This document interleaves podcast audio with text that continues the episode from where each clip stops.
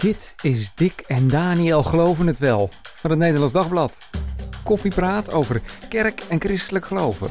Met Dick Schinkelshoek en Daniel Gillissen. Hey, moet jij nog eh, koffie hebben of niet? Nee, ik hou het nu even op water. Oké, ja, saai vind ik dat. Welkom bij weer een eh, nieuwe aflevering van eh, Dick en Daniel Geloven het Wel. Deze keer opgenomen op eh, donderdagmiddag, omdat Daniel zo nodig een weekend vrij wil. Zeker. wat, wat ga je doen? Nou, morgen ga ik naar Oudorp. Oudorp. Wat ga je... Zeker.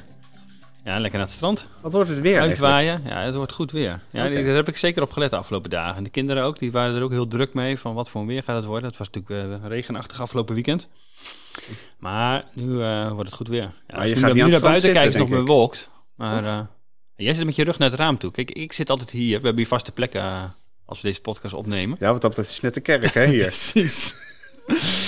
Het, is nog, het is nog bewolkt, maar het wordt zondag volgens mij. Nou. In elk geval blijft het droog. Dat is prima. Nou, mooi. Veel plezier dan. Ja, je gaat niet aan het strand liggen dan, denk ik. Nee, nee, nee. Een beetje pootje baden hè. en vooral Ja. wandelen, fietsen. Maar... Oh, gezellig. Ja, heerlijk. Neem een paar schelpen voor me mee. Hey, eh, vandaag is precies twee jaar geleden hè, dat er brand uitbrak in de Notre-Dame in eh, Parijs. Wat een ramp was dat, zeg. Zeker. 15 april 2019.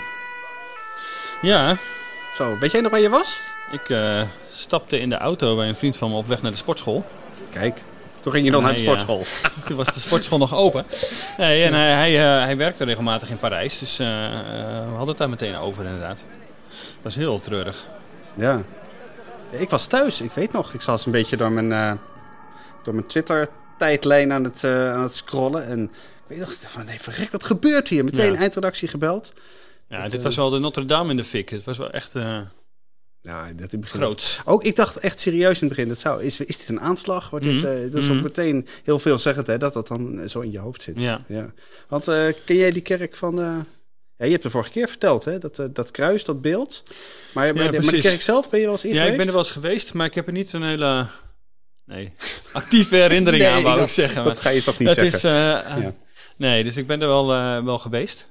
Maar ehm, jij? Ja, ja, ja, verschillende keren. Ik weet nog, de zomer van 2017, hè, met de kinderen. Dus, eh, voor die tijd? Za- zaten we daar, eh, ik weet dat, dat plein daarvoor, dat stikt het altijd van de duiven. En ik vind duiven vieze beesten. maar, eh maar de kinderen, doorheen helemaal geweldig. Ja. Ja. precies. En die een beetje strooien en zo. Weet je, dat, je hebt dat grote Oh, ja. beeld van, van Karel de Grote, Ja, van Charlemagne daar.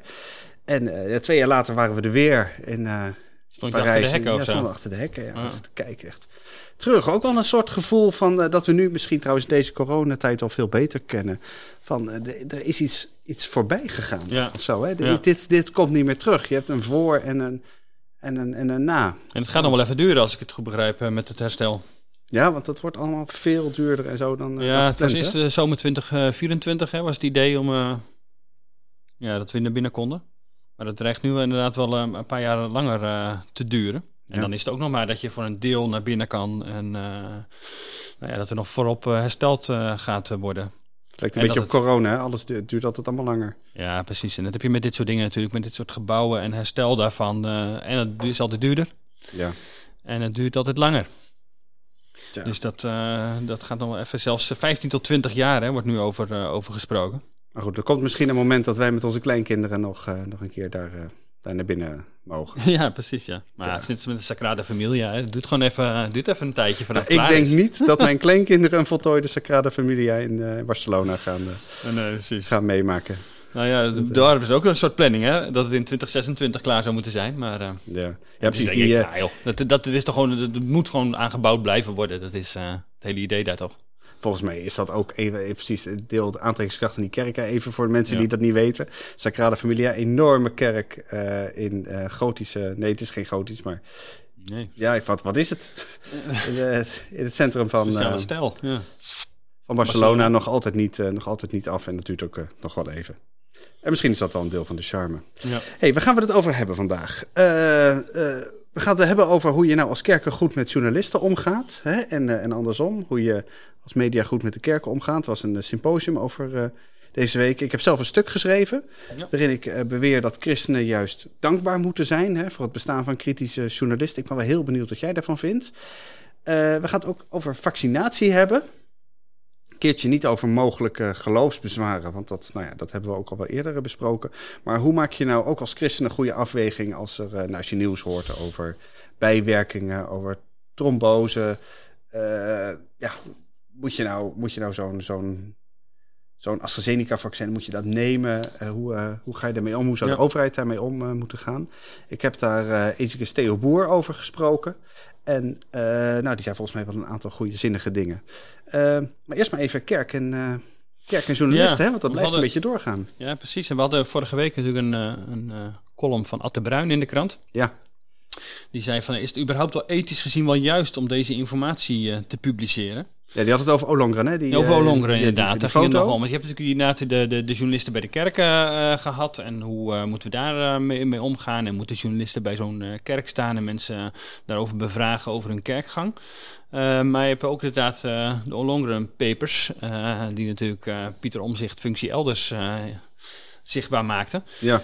En uh, daar had Atte Bruyne, dus uh, de ethicus uh, uit Kampen, kritiek op. Die zei van ja, dat had helemaal niet gepubliceerd moeten worden. We weten wel dat, het in, dat er veel achterkamertjes zijn in Den Haag. En laat het ook gewoon zo, want je belemmert eigenlijk ook nou ja, het politieke proces, spel. Ja. ja.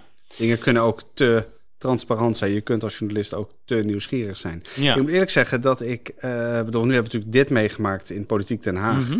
We hebben dat we in, wat is het, rond de Miraskerk en op Urk hebben we dat meegemaakt als het om kerken gaat. Ik hoor dat wel in mijn omgeving hoor, dat mensen zeggen, nou die journalisten zitten altijd overal bovenop. Moet dat nou kunnen? Ja, ze zorgen voor hun eigen, ja precies, ze zorgen voor hun eigen brood zeg maar, want er, wordt, ja. uh, er worden dingen naar buiten gebracht en dan kan daar weer over gesproken worden. Precies, en uh, dat, dat willen we helemaal niet. Mm -hmm. Ik, maar ja, ik zei net al, ik heb er een stuk over geschreven. Ik, uh, ik vind eerlijk gezegd. Uh, nou, nou la, laat ik even ergens anders beginnen. Volgens mij uh, snap ik het ontzettend goed. Ik snap ontzettend goed dat je gewoon met rust gelaten wil worden. Dat als je iets organiseert, dat je, dat je dat je dan ruimte wil hebben. Dat het dan vervelend is om als je bijvoorbeeld een kerkleider bent. Of je, weet je, je bent een dominee of een pastoor. Of minister-president -hmm. of directeur. Dat maakt dan even allemaal helemaal geen, uh, geen moer uit om journalisten toe te laten, hè, om die ruimte te geven, om die vragen te beantwoorden, dat is op zichzelf helemaal niet, niet in jouw belang. Want in jouw belang is dat je gewoon rustig je werk kunt doen, je, mm -hmm. je, je, je, plannen kunt, uh, kunt, kunt uitvoeren. Uh, en ik heb, ik heb zelf, ik sta zelf altijd heel erg op het, op het standpunt van je moet uh, uitleggen wat je doet, ook als journalist. wij zijn journalisten allebei.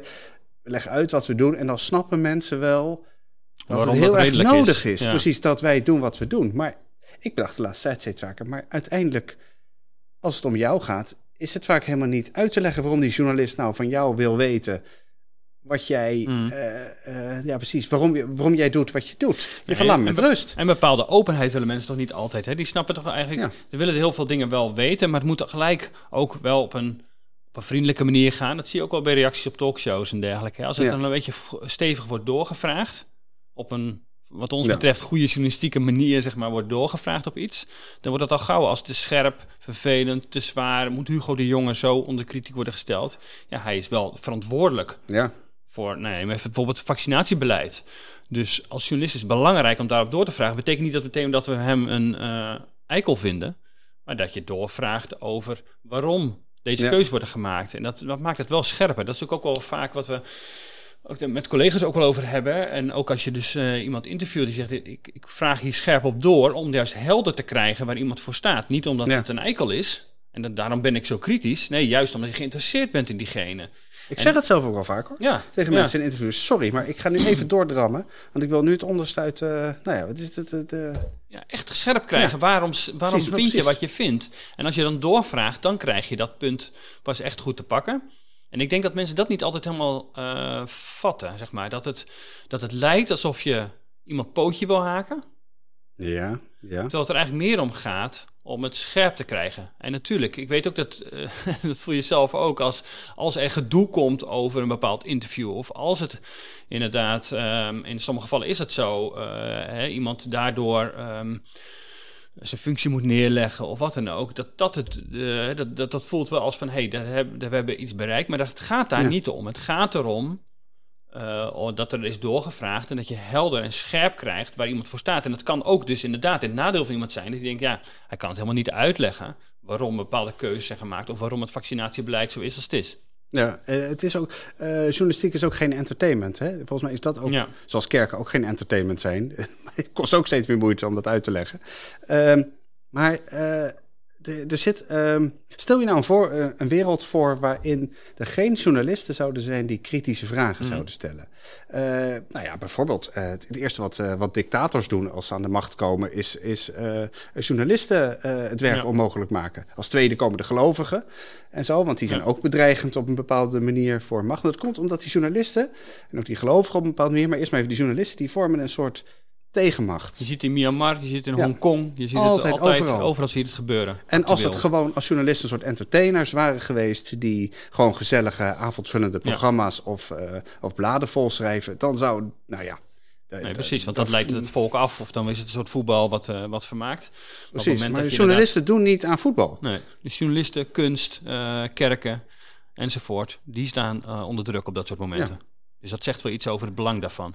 Ja, en, en als het dus over die, die, die, ehm, ehm, eh, die achterkamertjes hè, naar buiten brengen van ehm, zaken die vertrouwelijk zijn eh, gaat, hoe kijk jij daar tegenaan? Maar je ziet natuurlijk wel vaak dat het eh, het proces heeft het soms ook nodig, een bepaalde vertrouwelijkheid. En tegelijk als Ja. journalisten vinden het wel belangrijk dat het toch zo transparant mogelijk wordt gedaan. Nou, kijk, weet je, eh, het gebeurt best vaak dat wij dingen weten. We weten bijvoorbeeld eh, dat er een rapport aankomt. Mm. We hebben zelfs het rapport al gezien en we hebben gewoon afgesproken. Dat heet dan onder embargo hè, in, eh, in, in vaktermen. Ja. Dat we dat niet naar buiten brengen voor een bepaalde datum. We weten dat iemand ergens een nieuwe directeur wordt. Ja. Zeg maar, we hebben afgesproken, dat brengen we dan en dan naar buiten, maar niet, maar niet eerder. Maar toch wel fijn om het even te weten, want dan kunnen we alvast ons voorbereiden. Ehm, volgens mij zit daar de, eh, zit daar de pijn niet. Eh, overigens bepaal, eh, bewijst het wel dat je met journalisten volgens mij meestal prima afspraken kunt, kunt maken. Ja. Maar soms is het ook gewoon. kijk, en dan kom ik weer dat ik ontzettend goed begrijp dat iemand, dat iemand jou als journalist niet moet.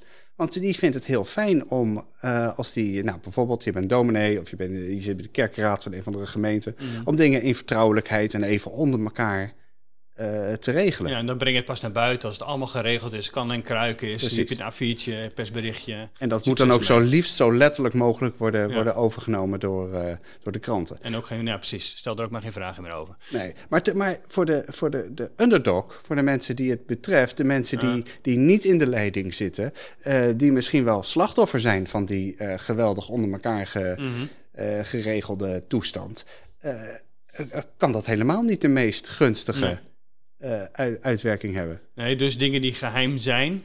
Het kan best zijn dat je daar toch als journalist je best doet om daarachter te komen. Kun je In wiens, altijd- in altijd weer wiens belang is het dat Eh, die dingen vertrouwelijk zijn ja. en geheim zijn? Ja, altijd wel weer afvragen ook wat is het belang inderdaad van naar buiten brengen. Dat is wat Ad Ja. Bruyne ook zei. Van wat, eh, in sommige gevallen is het duidelijk dat je het naar buiten moet brengen. In andere gevallen niet. Hier lijkt me het vrij met, met Pieter Omzicht evident. Ja.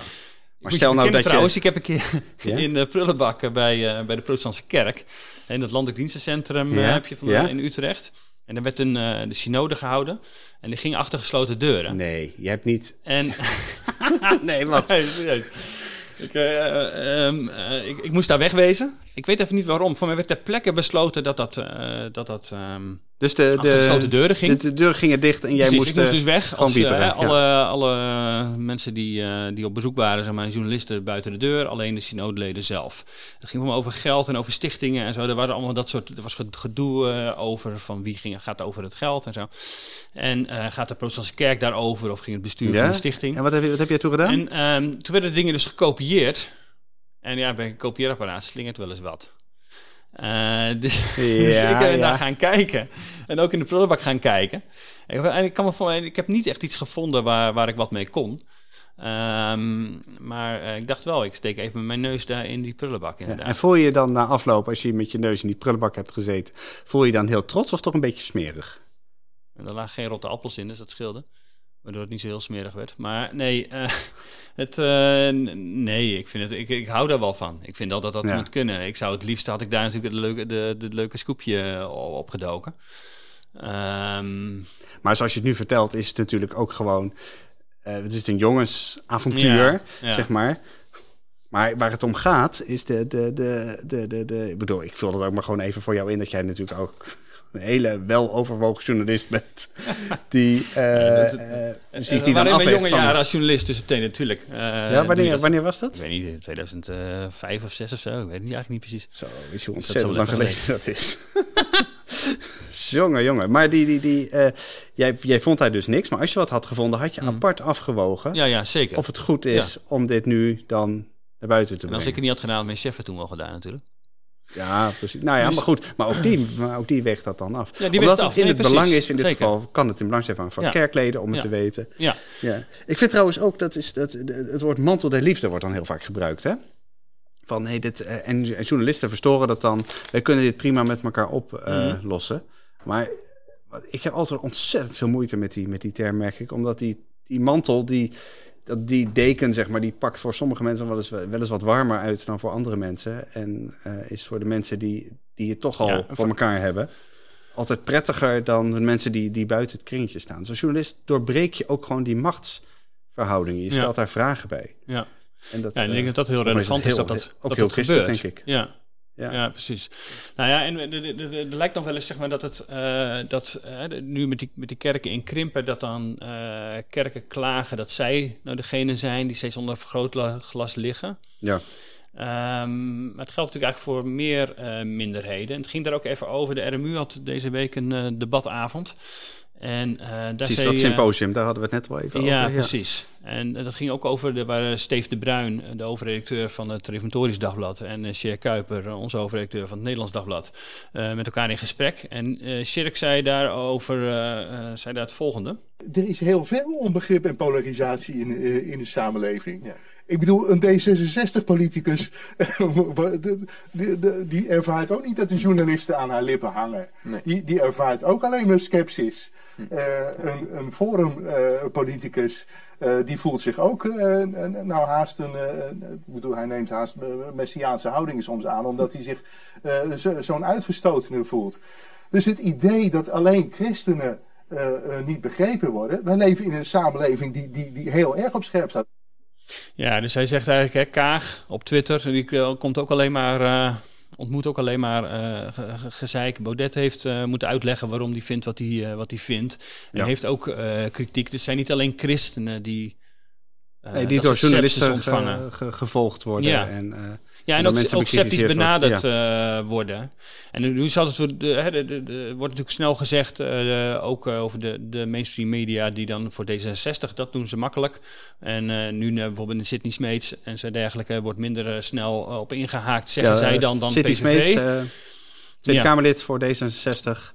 Precies, die naar jonge jongens Precies, ja berichten had zou hebben gestuurd via sociale media. En uh, ja, daar wordt nu onderzoek uh, naar gedaan. En daar, daar hebben de, de, alle landelijke kranten uh, wij ook, ook over bericht natuurlijk. Ja, precies. Um, de D66 wordt ook dan gewoon precies. aangepakt. Ja, Bij D66 denken ze misschien ook wel, hoewel ze weten daar natuurlijk prima hoe het werkt. Maar van jongens, laat ons met rust. Wij kunnen dit prima onder elkaar regelen. Zeker. Dat, natuurlijk ja. willen ze dat op dat moment. Ja. En als een collega dan de D66 belt in eerste instantie, nemen ze gewoon de telefoon niet op. Hè? Dus dat, nee. dat gebeurt daar net zo goed. Dus het is helemaal niet vreemd dat als er als je onder kritiek ligt, als er iets speelt, dat je dan probeert uh, de journalist buiten de deur te houden. Maar het is niet dus alleen bij christenen het geval. Nee, precies. En wees ook vooral ontzettend blij dat je in een land leeft waar journalisten zo vrij en ja. drammerig hun werk kunnen. Ja. Want echt het, het, tegenovergestelde, dat is nog veel verschrikkelijker. Dus dat, uh, maar goed. Ja. Ja, hey, uh, nog even. Jij zei uh, Miraskerk net. Ik ben uh, deze week bij uh, dominee Kort geweest van de, hoe, hoe van de Miraskerk. Ja, de oudgrift gemeente van Krip aan de IJssel. Hè, die dominee die. Dag die kerk, zei? Nou, nee, nee, nee, nee. Het is wel keurig, keurig dominee hoor. En u. Dat, ik ben daar met. daar woensdag geweest samen met collega Rick, Rick Moeilijker. Had wel wat voet in de aarde hoor trouwens. Hij, ja. Eerst wilde, ze helemaal geen interviews. Alles, alles af, afgehouden. Ja. Maar uiteindelijk wilden ze ons wel te woord staan. Nou, we hebben er 2,5 uur gezeten. En we konden hem eigenlijk alles vragen. Ik ga je nog niet te veel vertellen. Van, uh, bedoel, het komt allemaal vol, Spoiler, volgende week in de krant. nee. En, uh, uh, nou, ik wil zeggen, dan hebben we het er ook nog wel over. Maar we hebben een ontzettend interessant gesprek gehad... over waarom die kerk dan toch de deuren geopend heeft... en over zijn uitspraken over, over, over homo's... maar ook gewoon over waarom hij altijd in een zwart pak lo loopt. Ik, ja. En zijn, hij heeft bij een rockband gespeeld. wist je dat? In zijn, in zijn vorige, zijn vorige leven. Ja. Ah, ja. Nou, heeft hij ook over verteld. Een mooi, mooi bekeringsverhaal... daarbij. Maar wat mij wel enorm duidelijk werd, en zo, zo kom ik er ook even op, is uh, dat enorme wantrouwen tegenover journalisten wat daar dan uh, ontstaan is. Dat was wel mooi bij de, buiten bij de kerk. Mm. Had een gemeentelid een bordje met verboden toegang uh, opgehangen. Voor journalisten stond eronder, zeker? Ja, nee, nee, nee, nee. Oh. Gewoon zo, weet je wel, zo'n bordje dat je bij iedere ja, bouwmarkt ja, ja, kunt, uh, kunt kopen. En hij zei van, nee, maar dat bordje dat ga ik weghalen, want de kerk en de pastorie zijn voor niemand verboden toegang. Oh, wat goed. Hij zegt gewoon, iedereen, iedereen is welkom. Dat heeft hij ook honderd keer benadrukt. Zo van, als je, als je homo bent, kom gewoon langs. Bedoel, je krijgt van hem wel te horen dat je op de verkeerde weg bent. Bedoel, hmm. En ook duidelijk ook. Ja, uh, ja bedoel, daar is hij wat dat betreft. Ja, precies. Dat is, daar heeft hij een opvatting over en die steekt hij niet onder stoelen of banken. Maar, uh, ja, okay. maar dat je dus. Uh, de, de, wat, even kijken, wat, wat, wat hij wilde zeggen ja. is hoe ontzettend me media dus hun macht kunnen, kunnen misbruiken. Ja. Zeg maar dat ze je woorden verdraaien, dat ze erop uit zijn om jou, om jou te pakken, zeg maar dat je je klem zetten. Ja, dan denk ik, ja, enerzijds is dat dus denk ik je lot de, als, als journalist. Mm. Hè? Je zult gewoon nooit populair worden. Wil je populair worden, dan moet je, ja, wat, moet je dan worden? Ook geen politicus trouwens. Voetballer, denk ik. Dan uh, dominee in de de gemeente. Misschien zijn, dan, ook dan zijn, niet. In zijn kring wel in al Ja, in zijn kring, wel, populair, zijn kring wel, ja. ja. ja. Maar, maar, hij voelt zich dus echt wel verdrukt een beetje, zeg maar. Ja, ja, ja nee, zeker nee. Het, wordt, het wordt christenvervolging is al gevallen in het, uh, in het gesprek. Maar ja, ik denk dat misschien moet je als je journalist bent... Dat is er niemand zijn kerk uh, binnengedrongen, hij is niet meer geboeid afgevoerd. Nee, nee sterker nog, hij wordt door de, door de politie beschermd. Ja, precies. Dus er is een, uh, geen enkele wijze daarvan uh, sprake, lijkt me. Maar, maar goed, daar, uh, ik... en heb je meegegeten met hem? Aan de, aarde, nee, aan de aardappels Nee, nee, nee, ja, precies. Nee, op een gegeven moment kwam zijn vrouw binnen en... Die, het was al half één of zo. En die zei van, de, de aardappels zijn, zijn klaar. Dus ik, dan, ik, de aardappels zijn klaar? Of, Nee, nee, nee uh, uh, vader. De aardappels zijn klaar. vader? Uh, ja, moeder. dank u. Ehm, en ik dacht van, nou, misschien mogen we wel mee eten. Maar dat was... nou, ik had het ook helemaal niet gewild. Het was, vader, was zei je. Mag ik mee eten? oh, dan, ik denk, dan, dan, hadden, dan hadden we kunnen mee eten. Ja, ja, dat denk ik wel. Goed. Hij, hij vindt trouwens ook wat van vaccinatie. Hè? Ons andere uh, onderwerp waar we het nog over doorpraten. Nou, dat, dat kun je dat wel was, zeggen. Uh, ook wel pittig. Volgens hem, als je je vaccineert, dan laat je, je met, uh, de, dan laat je de dood in je spuiten. Maar, maar, hij zei het is wel, was wel een zaak van, van vrije conscientie. Dus hij zegt dit vanaf de kansel. Mm. Maar hij gaat jou niet dwingen als gemeentelid om geen nee. vaccin te halen. Denk ik, hoe, nou ja, maar hoe goed. vrij je dan nog bent, ja, is precies, inderdaad een, uh, tweede. Maar goed, er is natuurlijk veel gedoe over vaccinatie uh, in de, in ja. de, op dit moment. Uh, Hugo de Jonge ligt volop onder vuur. Het gaat niet snel genoeg en, en er is heel veel twijfel over de veiligheid van de vaccinaties. Precies, de bijwerking. Daar wordt over gesproken. AstraZeneca met name, Janssen nu ook. En um, er kwam van de week bij ons op de, op de redactie de vraag op inderdaad van... hey, hoe zit dat nou eigenlijk als je er vanuit christelijk perspectief... of in ieder geval vanuit ethisch perspectief naar kijkt, hè, naar die vaccinaties... Uh, van ja, je kunt eigenlijk niet tolereren dat er ook doden bij vallen. Ja. Eh, elk mensenleven is, is waardevol. En uh, je kan van mensen eigenlijk niet vragen dat ze zich ja, daaraan, daaraan overgeven met het risico ja. dat. En ook wel van kun je zelf zeg maar, dat risico dus nemen. Denken van oké, ik neem dit maar vrijwillig, want uh, het is nu wel heel relevant om, om geprikt te worden. Ja, ja, en ik ja, doe zeker. dit voor de, oh, niet alleen voor mezelf, maar ook voor de samenleving. En ja, ik loop een zeker risico, maar uh, vooruit dan maar. Uh, dit moet nu gebeuren. En we moeten ook een beetje tempo zetten. We willen immers open. Hè? De samenleving moet, moet open. Daar, daar doen we dit allemaal voor. Precies. En als er dan een paar doden vallen, dan ontzettend ja, naar. Maar, ja, want dan... er zijn toch allerlei andere redenen om... er zijn allerlei andere dingen waardoor mensen ziek worden. medicijnen, maar ook luchtvervuiling of weet ik veel wat. Precies. En dat, en dat is ook zo. En dat en risico, dat, dat nemen we ook. Ja, dat nemen we ook. Precies. Dus, dus zou dat met dit ook niet zo, zo kunnen zijn. Ja. Uh, maar is dat ethisch inderdaad zo? En jij hebt er even wat verder op uh, ja, ik heb, uh, ik heb vanmorgen even Theo, Theo Boer gebeld. Ja. Hoogleraar ethiek aan de, de Protestantse Theologische Universiteit. En ik heb hem dit voorgelegd. Van, nou, hoe kun je hier nou op een, op een ethische manier, op een goede manier naar kijken en ook op een christelijke manier? Ehm, ja, je hebt eigenlijk, grofweg, je hebt twee, twee manieren hè, om daarnaar te kijken. De eerste is natuurlijk dat je de kille rekensom maakt. En zegt, ik, uh, uh, zoveel mensen gaan sterven aan corona. Of ja. uh, wat is het, schade aan de economie, noem allemaal maar op, lockdown, mm. ongeluk, depressies. Als we niet als de wieden weer gaat doorprikken. Dus we prikken nu snel door. Ja, en ja, dat ook. kost Mm. iets, maar de, de, de, het voordeel, de, de, de Ja. nadelen wegen niet op tegen de, tegen de voordelen. Ja. De andere kant is natuurlijk dat je zegt van ja, nee, maar als er één dode valt, is dat gewoon al te veel. Je kunt niet op die manier met menselijk leven omgaan. Ja. Dat, dat mag niet. En hij legde me uit, de heer Boer legde me uit dat dat, eh, dat dat schade doen, zeg maar, het idee van eh, we kunnen iemand hiermee schaden als we dit doen, dat dat veel zwaarder weegt in de, in de medische wereld dan het, dan het goed doen. Dus Hmm. eh, bijvoorbeeld, eh, je hebt een nieuwe, een nieuwe pijnstiller die op de markt kan Mhm. komen. Als in die testfase één dode valt of één heel ernstige eh, bijwerking optreedt bij één persoon eh, eh, die daar blijvende schade aan onderhoudt, dan komt dat ding niet op de markt. Mm. En dat is ook wel een beetje de houding die je bij de, bij de gezondheidsraad merkt. Ja, hè? Van, precies. er zijn risico's, dat gaan we dus niet doen. Dat, dat gebeurt overigens altijd. ja, dus het gaat er eigenlijk niet om van wat het goed doet. Maar ja, natuurlijk is dat belangrijk. Ja. Maar, Maar de- maar, wat, maar, wat, maar het kwade, de schade, het Ja, telt veel en veel en veel zwaarder mee. Maar dat is wel fascinerend. Hè? Die eh, Europese medicijnautoriteit die zegt de voordelen wegen op tegen de nadelen. Over Janssen bijvoorbeeld. Ja, ja hoe, be- hoe bereken je dat? Nou, ja, moet je dan zeggen van het, is, het moet meer of minder dan eh 1 op 100.000 zijn. Dat is natuurlijk altijd een. Nee, maar hele- dan zag je natuurlijk, zo'n, eh, er waren ook tromboseartsen die zijn natuurlijk van eh, doorprikken. Want het is eh, eh, de, de, duizend keer meer kans dat je aan COVID overlijdt. eh, dan dat je aan, eh, aan eh, de prik overlijdt. Ja. Overigens vindt Theo, Boer ook dat er eh, doorgeprikt zou, Mm. zou moeten worden. Maar hij, maar hij zegt dan dat eh, is niet omdat, omdat, omdat je die rekensom op deze manier maakt. Kijk, uiteindelijk maak je altijd een rekensom. Dat is natuurlijk de ene kant. Maar de andere kant is, eh, hij vindt het ook heel erg belangrijk dat je het niet bewust doet. Ja, je kunt, eh, stel nou dat we zouden zeggen, eh, als we mevrouw, eh, mevrouw Jansen uit, uit weet ik veel waar, Mm. als we die opofferen, ja, ja. zeg maar, dan kunnen, we, dan kunnen we heel Nederland redden. Dan moet je zeggen als ethicus, Dat gaan we niet doen, dit Nee. kan niet. Je kunt niet mevrouw Jansen uit haar huis halen en zeggen, sorry, maar we gaan nu, omdat u, moet sterven, maar dan, nou, er wordt een heel volk gered. Volgens mij kwam dat nog ergens in de Bijbel Ja. voor. Dat kan niet ethisch.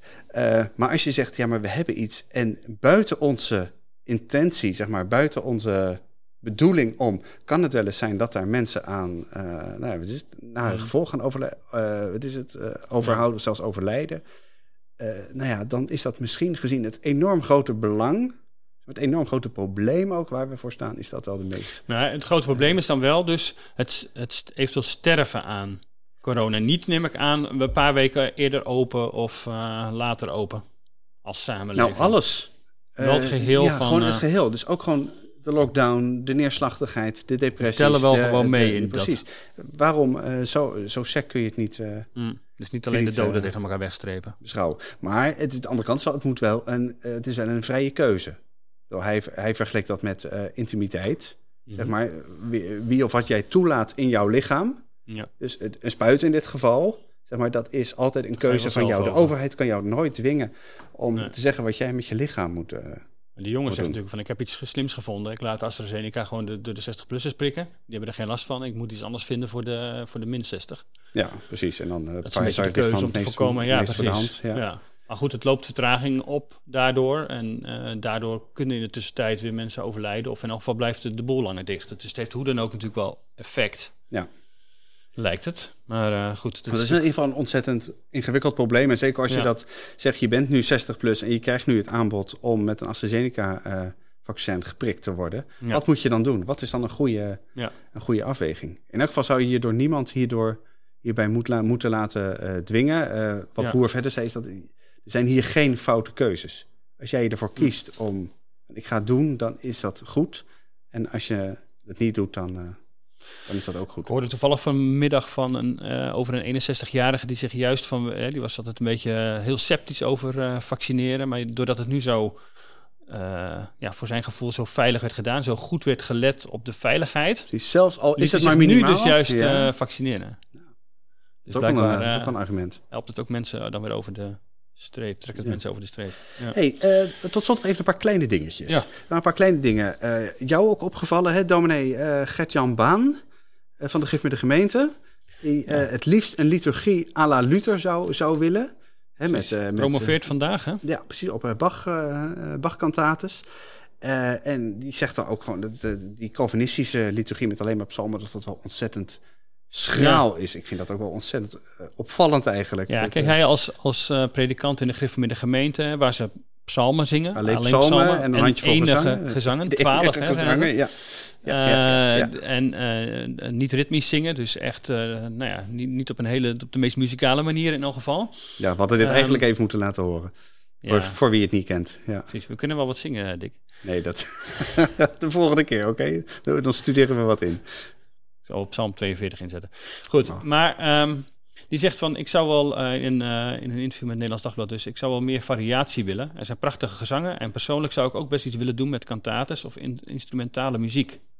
Hij zegt daarbij natuurlijk van, ik wil niet polariseren. Een nieuwe psalmberijming of bijbelvertaling kan al zo gevoelig liggen.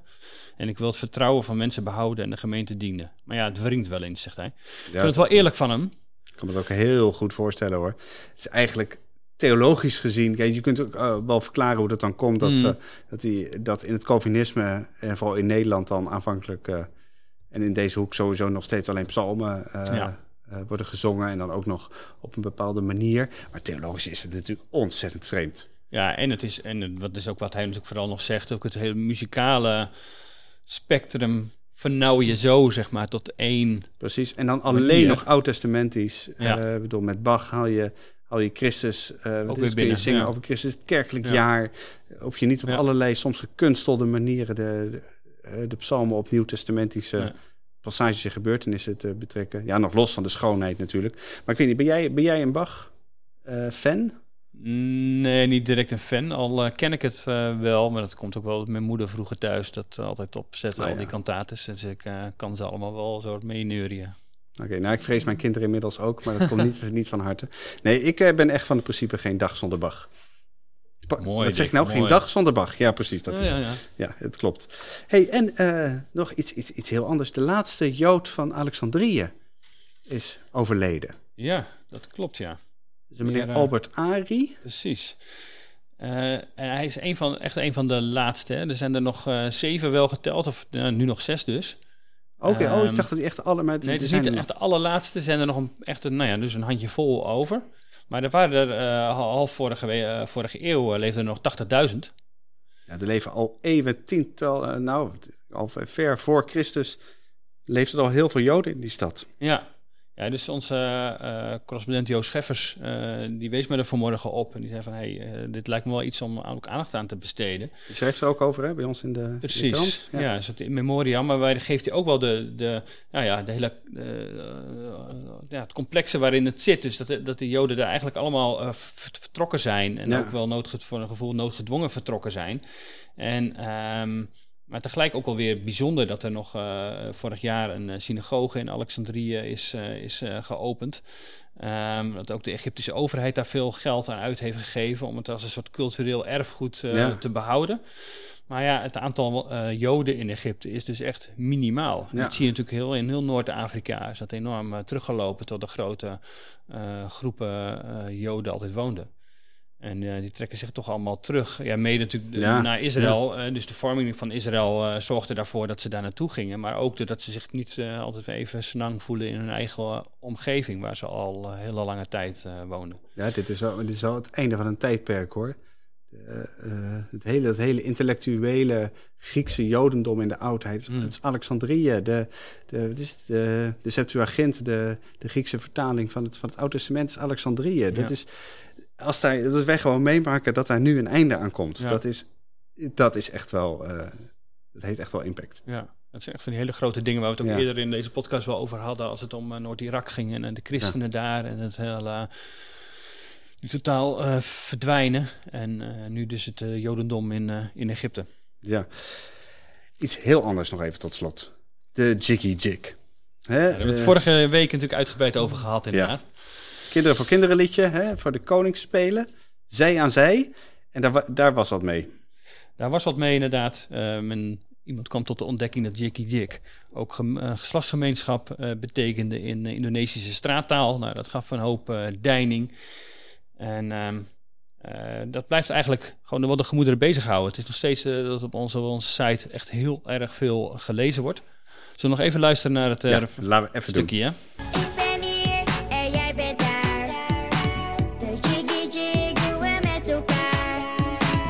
Ik kan hier echt gewoon geen, eh, geen, niet normaal meer naar luisteren. Als je dat dan weet, de jiggy Nee, jig ja, dat is doen we met een beetje het elkaar. Punt. Dat is een beetje het punt natuurlijk. nu dat overal eh, wordt gezegd, eh, kan er ook misschien niet meer normaal Nee. naar geluisterd worden. Maar goed, ehm, we hebben nog daar een, ehm, een schoolbestuurder over aan het woord gelaten... die de, inderdaad de, de, de lied nu geband heeft. Ja. En die zegt ook wel, het heeft ook wel te maken met de maatschappelijke druk die hij voelt om, eh, om eh, thema's als eh, genderidentiteit aan de orde te stellen. En die zegt, ja, dat is gewoon belangrijk ja, om dat ja, ja, ja. in de veiligheid van het klaslokaal te doen en niet nou ja, op de manier zoals kinderen voor kinderen dat maar wil. Dus dat, dat speelt op die achtergrond ook gewoon heel sterk mee, die discussie daarover. Ja, precies. Want dat is ook, wat is het nou, hoe, hoe, hoe staat het ook in het liedje? Ja, ik, een jonge meisje of X, Ja. man, vrouw X, zeg maar. Eh, dus eh, het wordt, eh, iedereen mag er zijn, gewoon op de manier zoals jij bent. Nou, mooi allemaal. Eh, tegelijk voor- die christelijke scholen geldt het ergens als, ja, maar wordt het nu opgedwongen, opgedrongen? Mogen we inderdaad geen man, vrouw, jonge meisje meer zijn? Hoe zit dat dan daarmee? En daar willen we met elkaar best over praten, met de kinderen over praten. Maar om dat in zo'n eh, liedje wat er lekker meezingt eh, nu eh, te, te, te promoten, zeg maar, eh, daar eh, hebben ze gewoon geen eh, zin in. Dus dat telt echt nog wel mee. En die discussie zit op scholen dus nog, eh, nog volop. Dus het is de vraag eh, hoe dat dan eh, volgende week gaat. Ja, nou, we gaan het volgen. Dit was het weer voor deze week. Vergeet niet eh, komend weekend alle vrienden en familieleden over ons te vertellen als je deze podcast leuk vindt. Heb je kritiek of eh, tips? Zeg het niet tegen anderen, maar zeg het tegen ons. Mail ons even dan op uh, geloof.nd.nl. Mag trouwens ook gewoon met complimenten, die vinden we ook leuk. Harm, eh, bedankt weer voor de productie. Daniel, een erg leuk weekend in de outdoor. Dankjewel. En eh, tot ziens. Tot later. Jongen, jongen. Zit dat Jiggy Jig liedje nog steeds in mijn hoofd. Bedankt hoor. Lekker hè.